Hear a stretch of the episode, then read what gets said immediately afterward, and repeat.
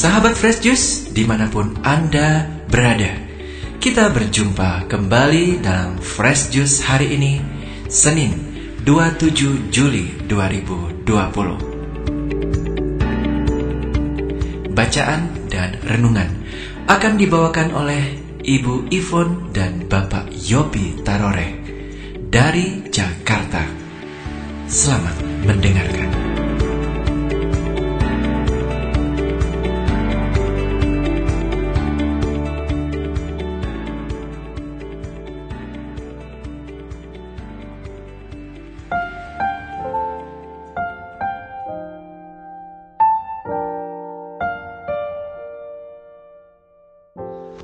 Selamat jumpa kembali sahabat-sahabat pencinta Fresh Juice yang dikasih Tuhan Yesus Kristus. Hari yang indah ini kita akan menikmati renungan bagaimana Tuhan Yesus mengingatkan kita bagaimana untuk berjaga-jaga dengan musuh yang kelihatannya indah seperti burung dengan pohon sesami. Oleh karena itu, kita akan Baca dari Matius bab 13 ayat 31 sampai 35. Perumpamaan tentang biji sesawi dan ragi.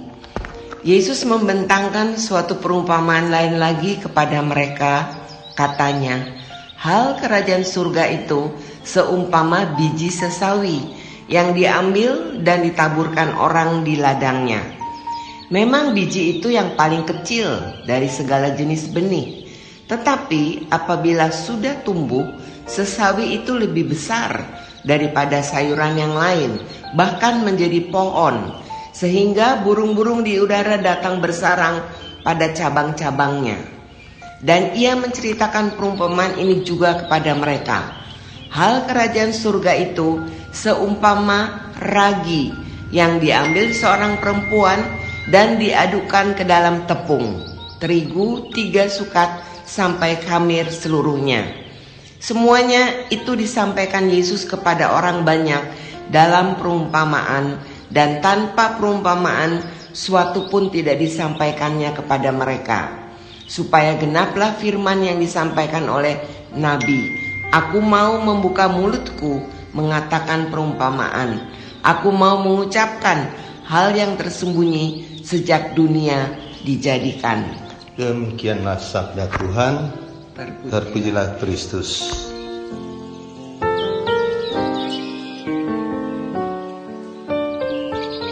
Nah, sahabat-sahabat yang dikasih Tuhan Yesus Kristus, pada zaman ini banyak sekali terjadi orang mencari, mencari, mencari Tuhan. Bertobat mencari Tuhan saya teringat bagaimana bacaan demi bacaan bagaimana Yesus memilih para murid.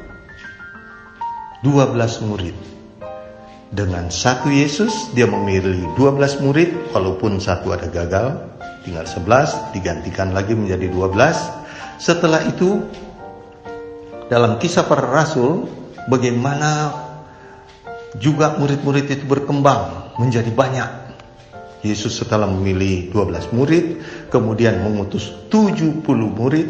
Setelah itu dalam Pentakosta, dalam kisah para rasul bab 2, bagaimana Pentakosta pertama terjadi, yaitu turunnya Allah Roh Kudus pada para murid itu 120 orang.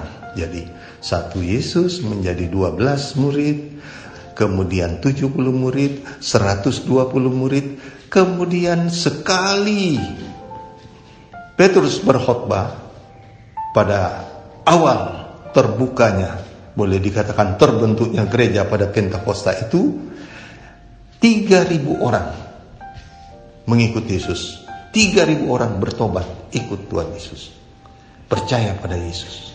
Setelah 3000 itu kalau kita baca terus dalam kisah para rasul di situ menjadi 5000 kemudian umat atau jemaat perdana ini mengalami penekanan-penekanan.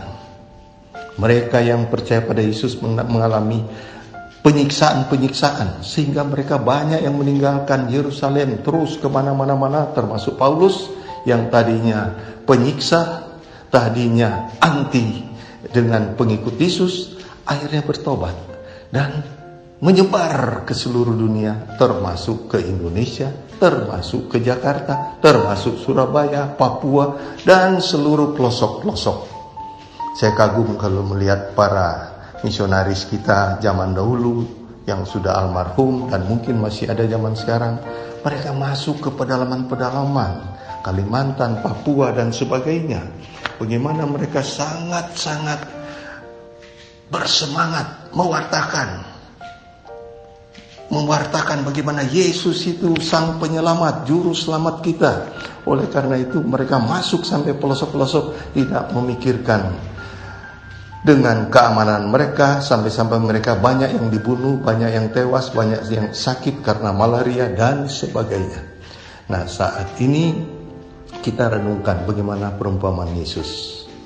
Dari satu Yesus, satu biji, biji sesawi, dia bertumbuh, berkembang menjadi besar, menjadi pohon sesawi yang dapat berbuah, bercabang.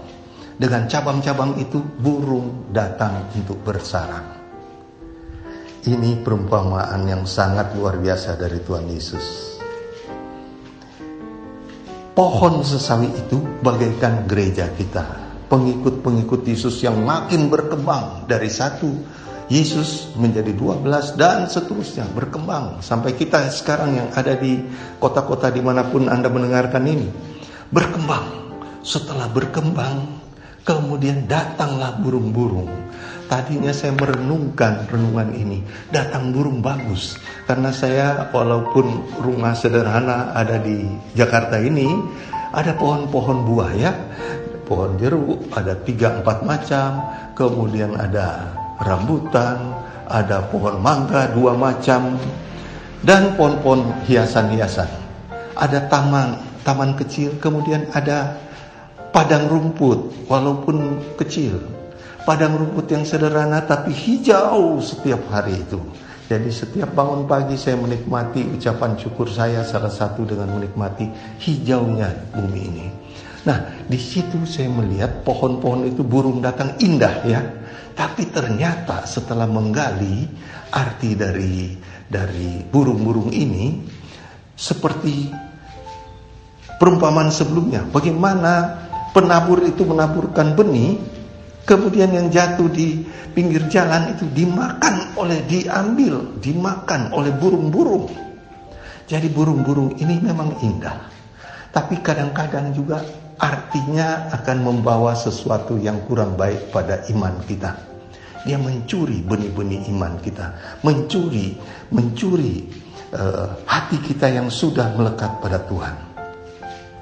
Saya teringat bagaimana awal-awal pelayanan saya. Awal-awal pelayanan saya, saya kemudian uh, senang memuji-muji Tuhan dengan lagu-lagu pujian. Ya, menulis lagu-lagu rohani, kemudian menyanyikan dengan musik, menyanyikan ada teman-teman kelompok band. Ya, jadi ada cabang-cabang itu, cabang-cabang pohon sesawi itu adalah kelompok-kelompok, adalah komunitas-komunitas, adalah persekutuan-persekutuan ya. Jadi dengan cabang-cabang itu salah satu saya adalah tim pujian. Wah, senang sekali kalau tim pujian. Dengan dengan doa dan puasa Tuhan memberkati dengan lagu-lagu rohani yang baru, Tuhan memberkati dengan suara yang lumayan yang bisa memuji-muji Tuhan, dengan teman-teman yang bersama memuji-muji Tuhan, dengan kelompok yang bersama memuji-muji Tuhan. Tapi saya lupa dan pernah ini kejadian sesungguhnya. Karena berkali-kali begitu turun dari panggung, pemain musik turun dari panggung tim pujian dengan pakaian yang semarak dan indah di situ orang mulai muji.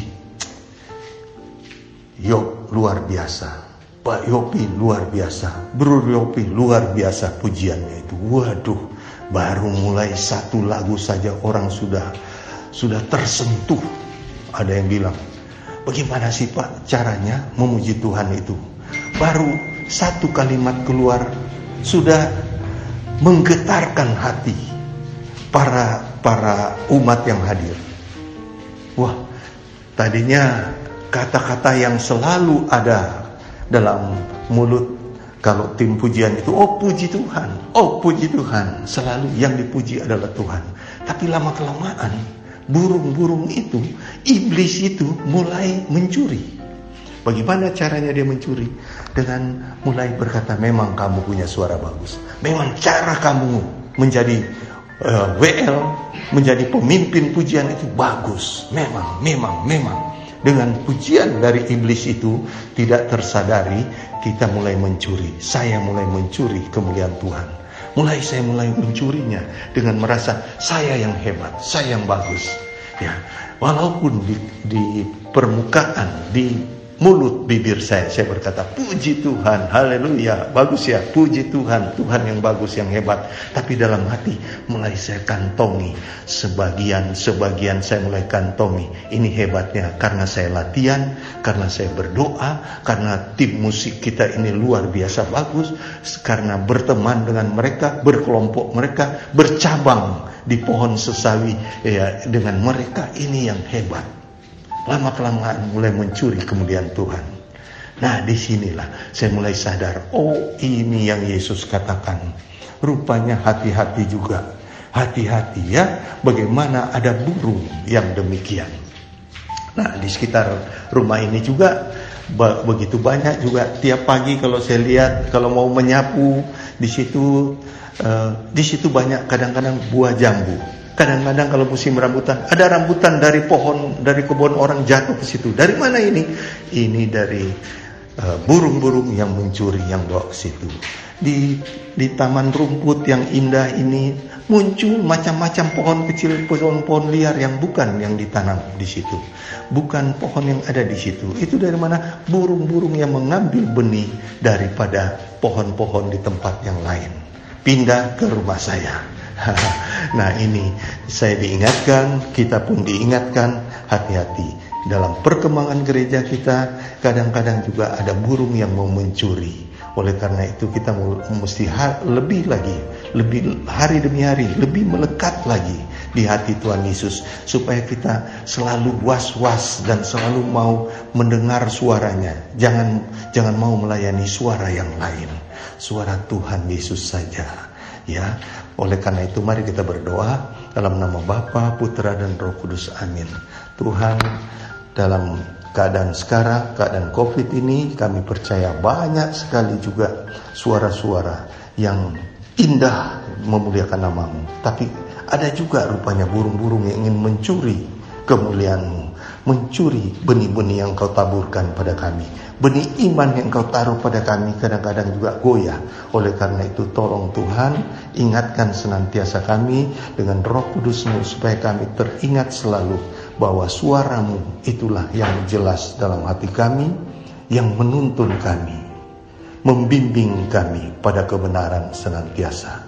Tolong Tuhan kami lemah, tanpa engkau kami tidak kuat. Beri kami kekuatan ekstra daripadamu. Terima kasih Tuhan, segala pujian, hormat, kemuliaan hanya bagimu. Kemuliaan kepada Bapa dan Putra dan Roh Kudus, seperti pada permulaan, sekarang selalu dan sepanjang segala abad. Amin. Demi nama Bapa dan Putra dan Roh Kudus. Amin. Tuhan Yesus memberkati kita semua. Amin.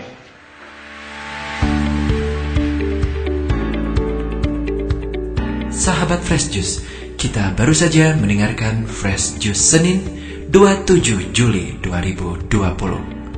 Segenap tim Fresh Juice mengucapkan terima kasih kepada Ibu Ivon dan Bapak Yopi Tarore untuk renungannya pada hari ini. Sampai berjumpa kembali dalam Fresh Juice edisi selanjutnya. Tetap semangat, jaga kesehatan, dan salam Fresh Juice.